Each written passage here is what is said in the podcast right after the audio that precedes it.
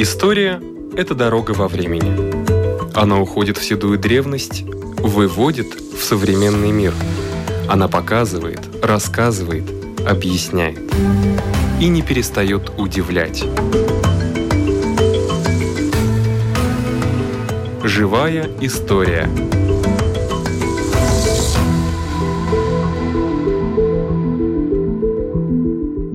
У микрофона Лидия Чера.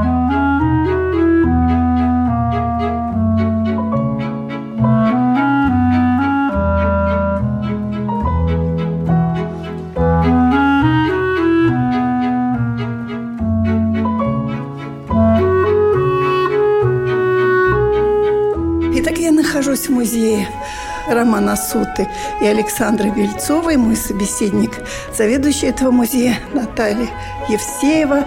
И вот какие-то новые картины у вас здесь, наверное, выставка. Так и есть, да. Мы открыли новую выставку, и связана она в этот раз с Александрой Бельцовой. Цитаты из ее дневников, писем и рассказ о ней самой Кроме того, мы подобрали работы, которые до этого не выставлялись на других выставках.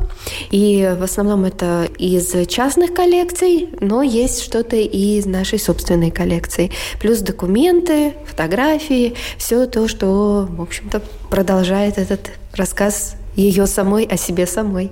Всегда хотелось спросить о том, как э, русский художник, русская художница попала в Латвию, как она себя ощущала, знала ли она латышский язык. Да, действительно, на самом деле частично идея этой выставки и родилась у меня год назад э, на фоне всех трагических событий, о которых мы знаем. И многие вещи, которые я читала до этого в ее дневниках, они каким-то образом всплыли в памяти невольно, и я понимаю, что то, что, может быть, происходило тогда и сейчас, во многом то, что переживала она тогда. Она иммигрантка, приехавшая в Ригу из России, ответив на приглашение своего будущего супруга. И здесь она вышла замуж, можно сказать, ассимилировалась, и большая часть жизни прошла ее здесь, в Риге. Но этот процесс, пока она нашла себя здесь, был непростым. И языка она не знала, и она ходила на курсы, и учила сама. Плюс, конечно, очень большую помощь ей оказала среда, ее друзья, которые с ней постепенно-постепенно, говоря на латышском языке, она свободно и писала, и разговаривала. И она почувствовала это место, ну, Ригу, Латвию, своей второй родиной.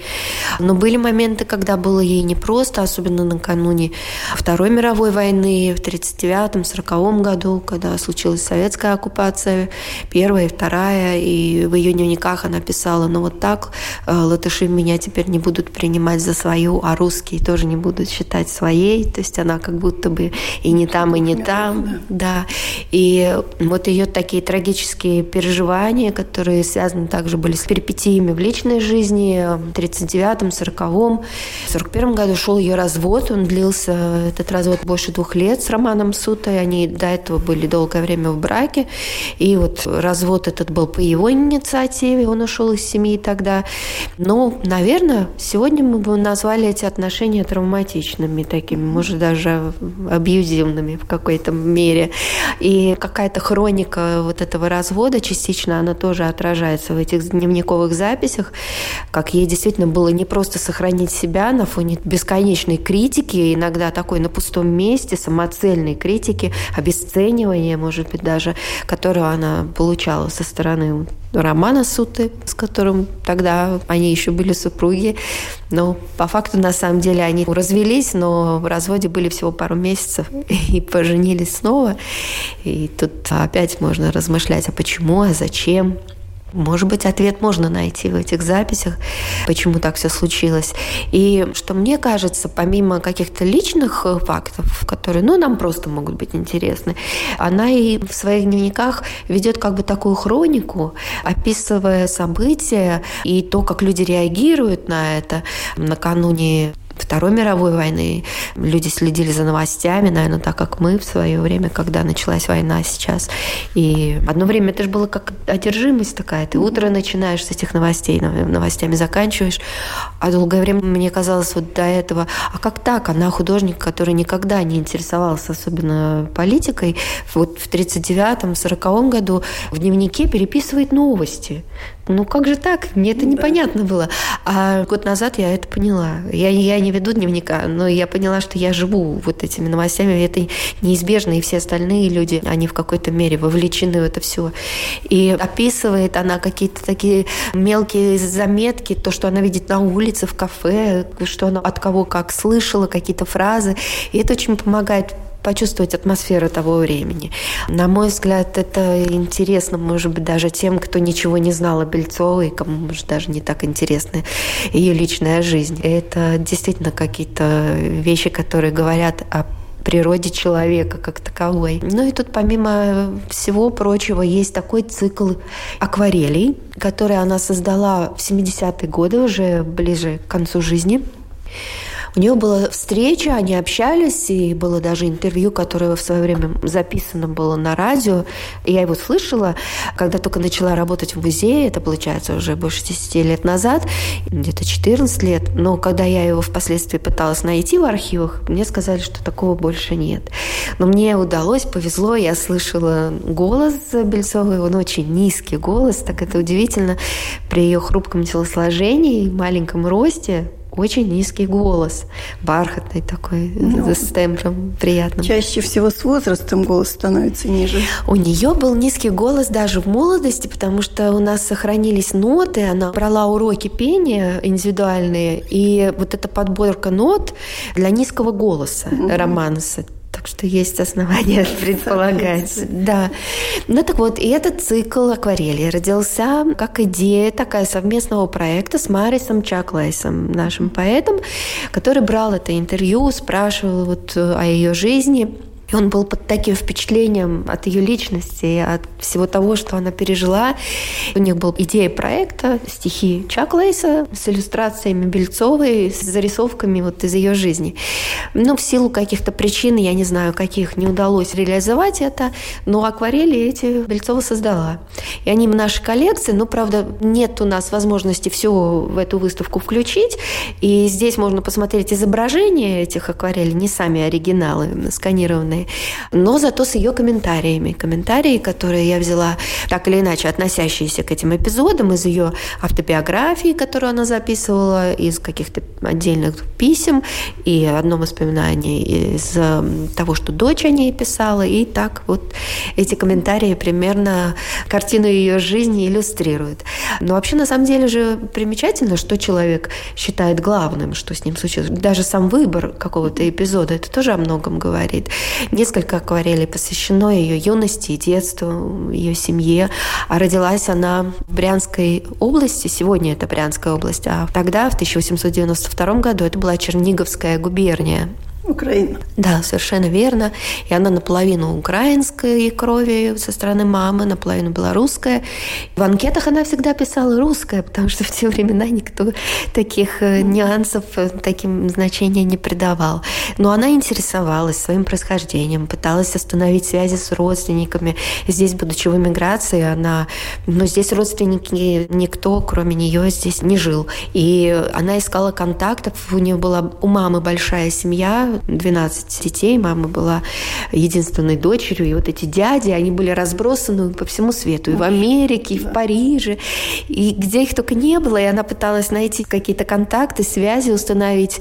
Насколько я знаю, такого постоянного общения с этими разбросанными по свету родственниками у нее не было.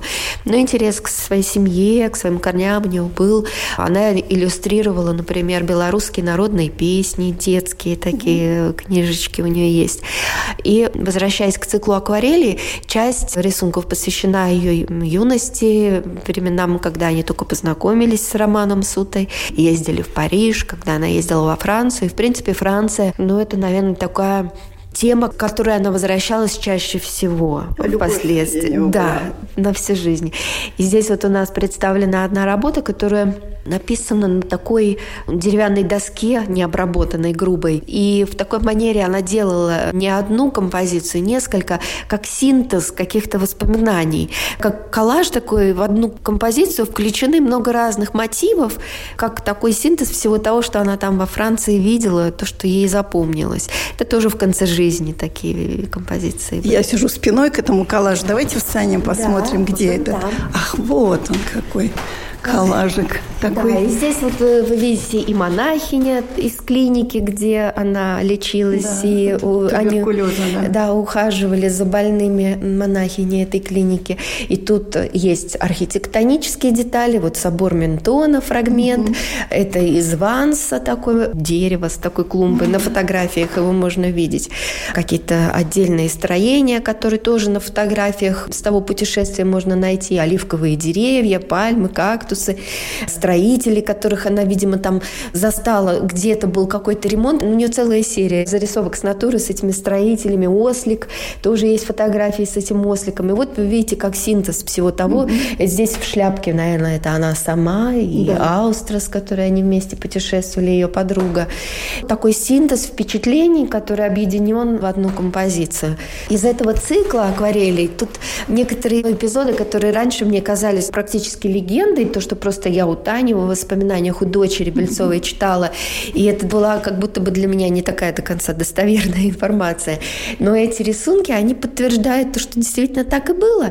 Например, Таня упоминает, что когда Бельцова отправилась в 1938 году в Стокгольм с надеждой договориться там о своей персональной выставке, ее сопровождал ее новый друг, испанский архитектор Роберто Фернандес Булбуэна.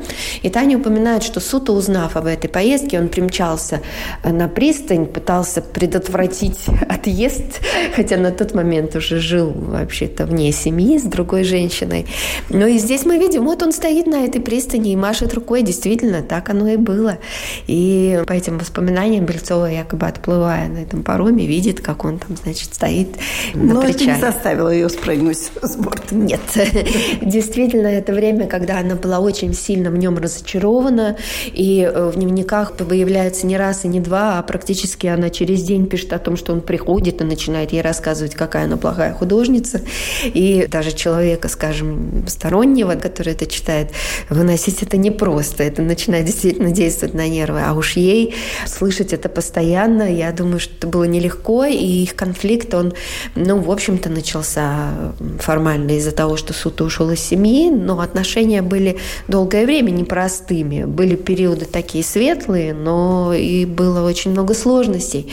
И в конце жизни, тем не менее, когда ее уже спрашивали 70-е, в том же интервью, в других текстах, когда ее спрашивают о романе Сути, о том, как ей жилось вместе с ним, то она отвечала, он был самый интересный человек в Риге, ради него стоило страдать, говорила она. Да. Ну да, обиды были забыты на тот момент, Суту уже много лет к тому времени э, умер, и ну, он был репрессирован, семья узнала, правда, позже об этом.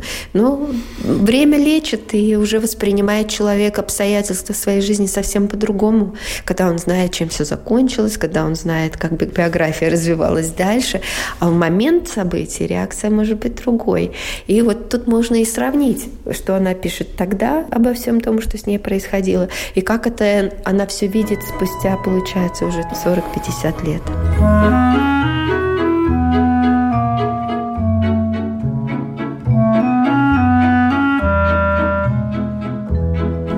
Да, интересные картины. Они в хронологическом порядке, а, да? Да, как если бы мы читали Ах, вот рядами, да.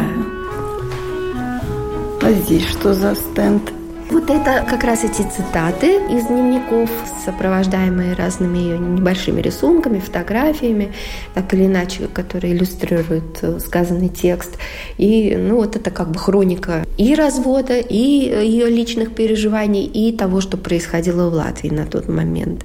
Некоторые цитаты мне было трудно выбрать, и я сомневалась, а включать их или нет. Например, когда уже началась Вторая мировая, она пишет в одном из записей, что больше нельзя купить натуральный кофе кофе. И я думаю, ну, может быть, это как-то не, не очень хорошо, да. война, а человек переживает про кофе. А потом я думаю, ну, по идее-то мы так же живем. Мы ну, все равно живем в своих ежедневных проблемах. И это очень по-человечески на самом деле. И никуда от этого не деться. Писала дневники по-русски? Да, и часть текстов на французском потому как э, ее друг, вот этот испанский, он на самом деле был не просто какой-то архитектор, он на тот момент был замдиректора музея Прадо. И э, Пикассо, главный директор на тот момент, по сути, была такая персона. Ну, он просто как почетный член академии, ну, в данном случае, как вот такая для него была должность титульная, но всю основную работу делал вот этот человек, Роберто Фернандес Балбуэна. Он по образованию архитектор, но, как многие архитекторы, любил рисовать. У него на самом деле, если поискать, можно найти в интернете. Он живопись выставлял, потом под конец жизни много работал как живописец. И с Бельцовой их и объединяла любовь к искусству, помимо всего прочего. И так как они расстались, получается, после этого Стокгольма накануне войны, и он дальше поехал по Европе и далее в Америку, и Бельцова не знала даже, куда писать ему. Какое-то время они обменивались письмами, но потом эта переписка прервалась. Но чтобы чтобы как, хоть как-то с ним, вот эту потребность свою реализовать, с ним общаться, она в дневнике писала ему письма, как бы адресованные ему. Понятно, что они никогда и не были отправлены, но общались они на французском. Поэтому часть текстов на французском языке, и мы их перевели. А портрета не сохранилась? Она писала ему? Есть. Здесь на выставке вот э, тот портрет э, над секретарем. Это ага. он. На выставке в 2019 году, которая была в Национальном музее, были его портреты, и не один. Но так как я в этот раз хотела показать то, что не было тогда на выставке, то здесь, Отлично. получаются другие вещи, которые, может да. быть, кажутся незнакомыми.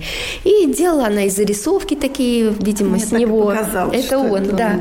И здесь поэтому и о нем идет речь и эскизы пейзажев э, в Стокгольме, которые тоже она, видимо, делала с натуры. И, кроме всего прочего, есть витрина, в которой тоже у нас есть документальный материал, фотографии, э, часть эскизов письма. Например, к дочери часто она писала, когда уже Таня научилась читать, сначала она ей писала по-латышски, потом писала по-французски, Таня пошла во французский лицей учиться, да. а потом она уже научилась читать, писать э, по-русски.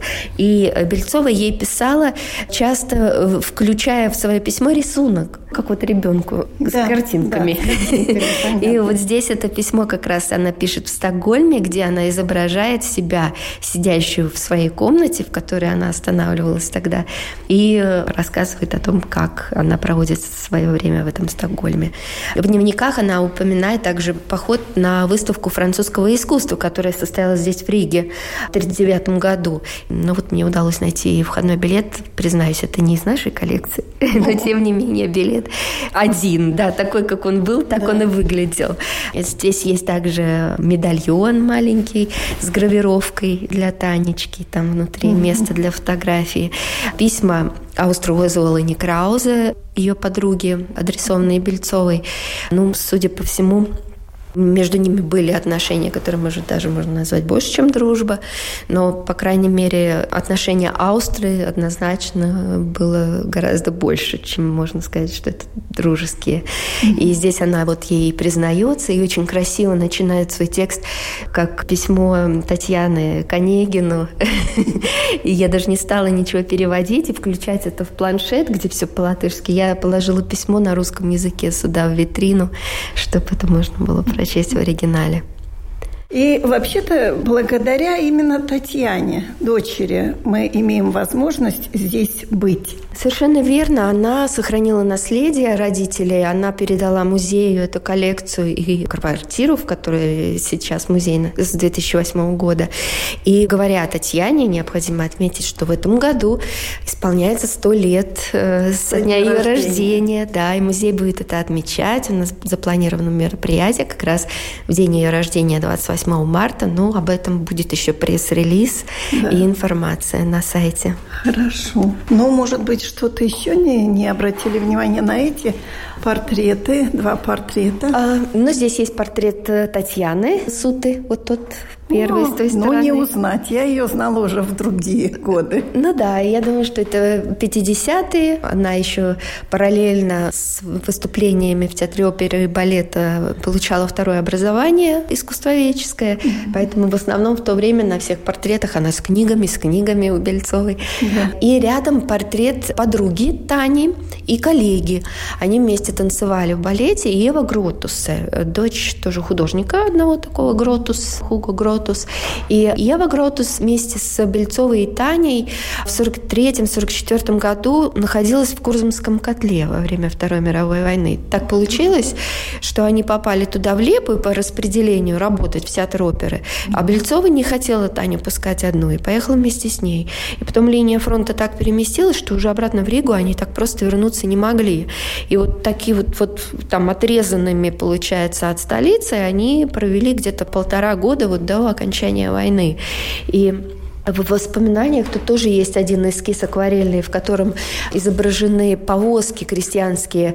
Бельцова рассказывала, что она ехала на перекладных, когда война закончилась, добиралась в Ригу на перекладных несколько дней. Часть пути пешком прошла, часть пути вот тоже с крестьянами на каких-то повозках, в грузовиках вместе со скотом. И вот так вот она добралась до Риги, в эту квартиру, которая, как оказалось, сохранила бабушка, мама Романа Суты. И они могли потом в итоге сюда вернуться.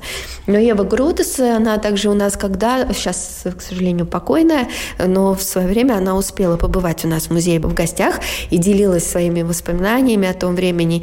И как это часто бывает у людей в возрасте, она могла не помнить, что было вчера, но она практически по дням. Она рассказывала, что было на этот день, что было на следующий день. Ну, хорошо, не по дням недели, но очень описывая подробно весь этот период. И упоминает этот же момент Татьяна Сута в своих воспоминаниях, что когда в 1945 году на территорию Латвии вошла советская армия, они были в Кулдыге, и в их дом ворвался один из русских солдат и начал спрашивать девок. И Бельцова на чистом русском сказала, как же вам не стыдно, здесь дети спят.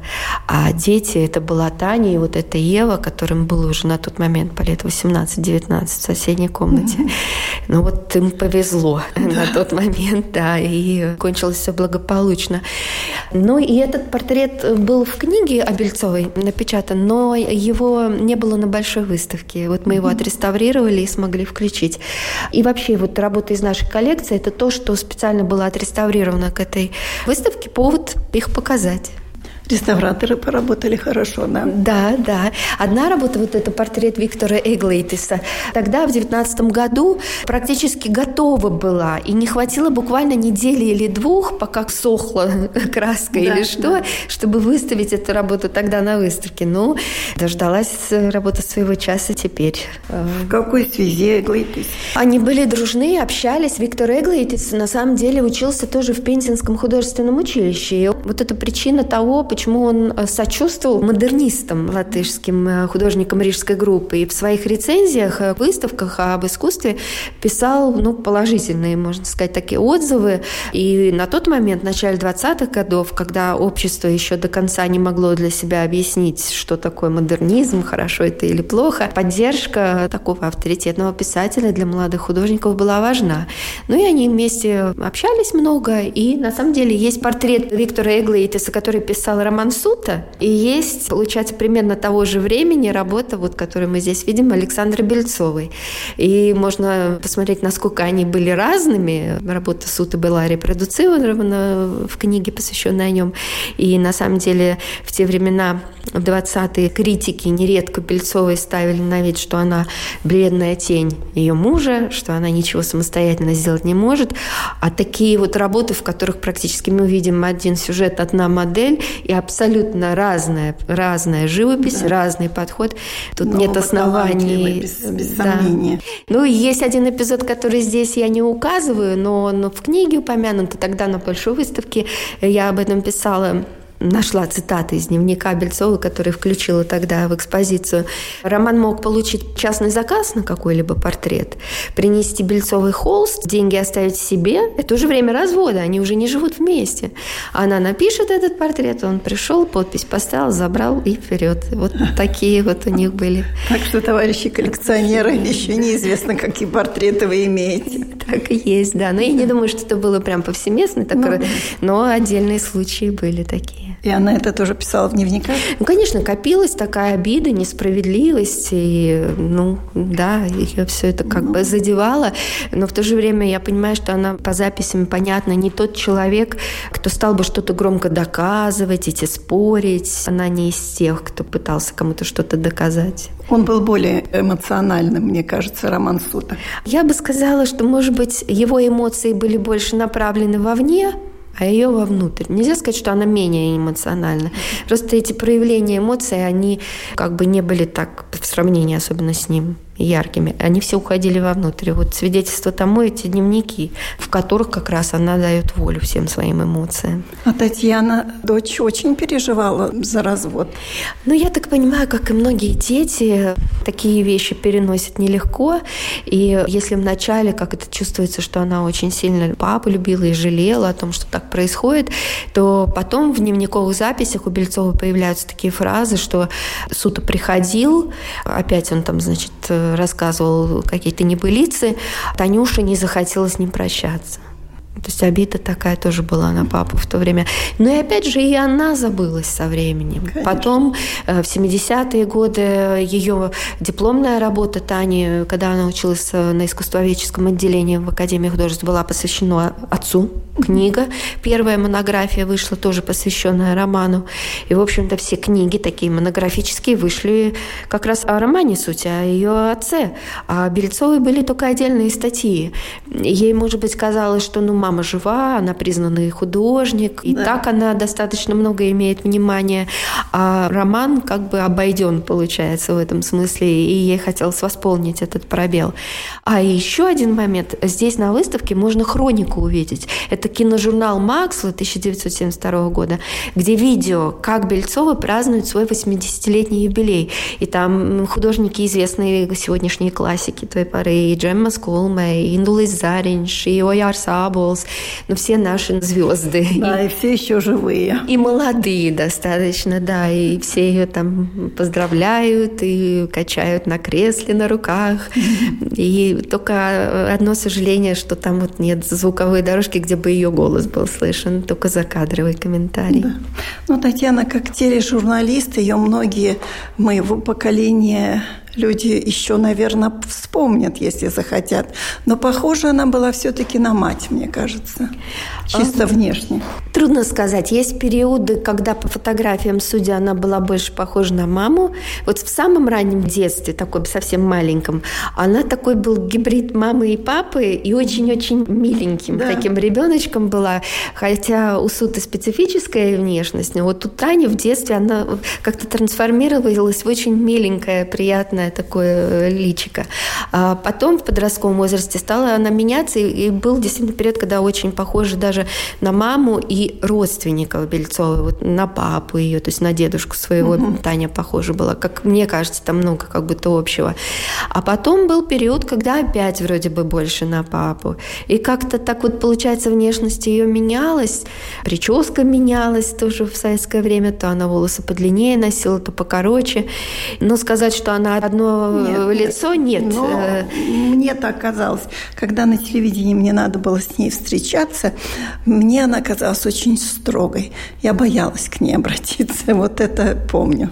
Я, к сожалению, лично не имела возможности с ней общаться, хотя как бы я могла теоретически ее застать.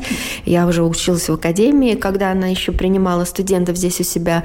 Но как-то вышло, что тот раз, когда мы могли бы сюда прийти, она лекции читала у себя дома, что-то было так, что этот поход, и мы не попали.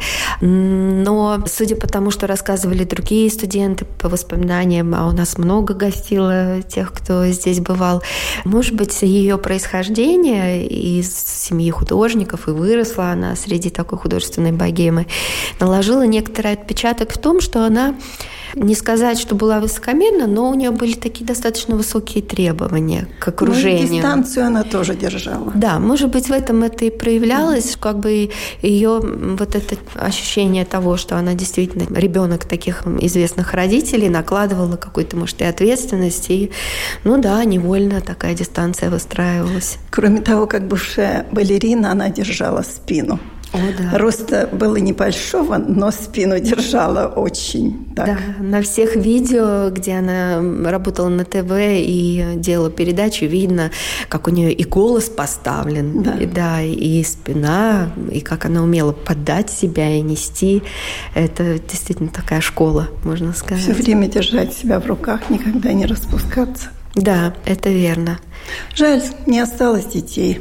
А, Суд.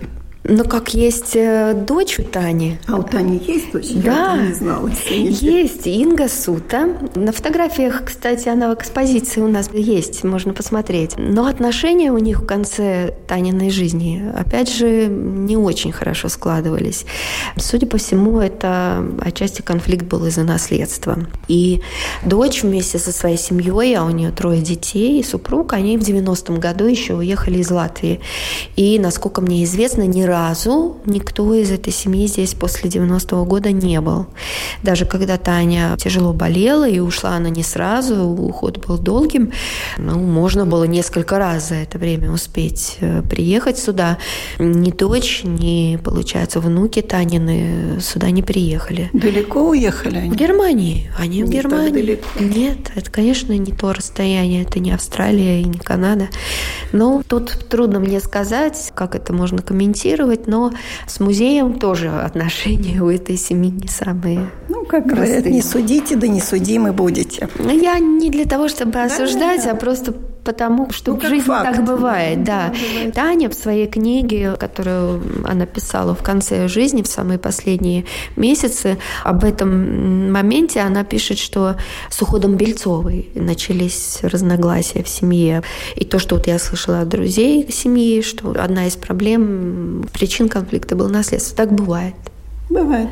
Ну, спасибо. И на картины, которые мы старались о которых рассказать, увидеть все-таки стоит. Еще хотела сказать, что 21 марта здесь будет в нашем музее встреча со мной, с куратором выставки на латышском языке, а 25 апреля на русском языке, где можно будет и задать любые вопросы, и послушать подробный рассказ о каждой работе, которая тут представлена. У нашего микрофона была заведующая музеем романа «Суд» и Александра Бельцовой Наталья Евсеева. Всего вам доброго!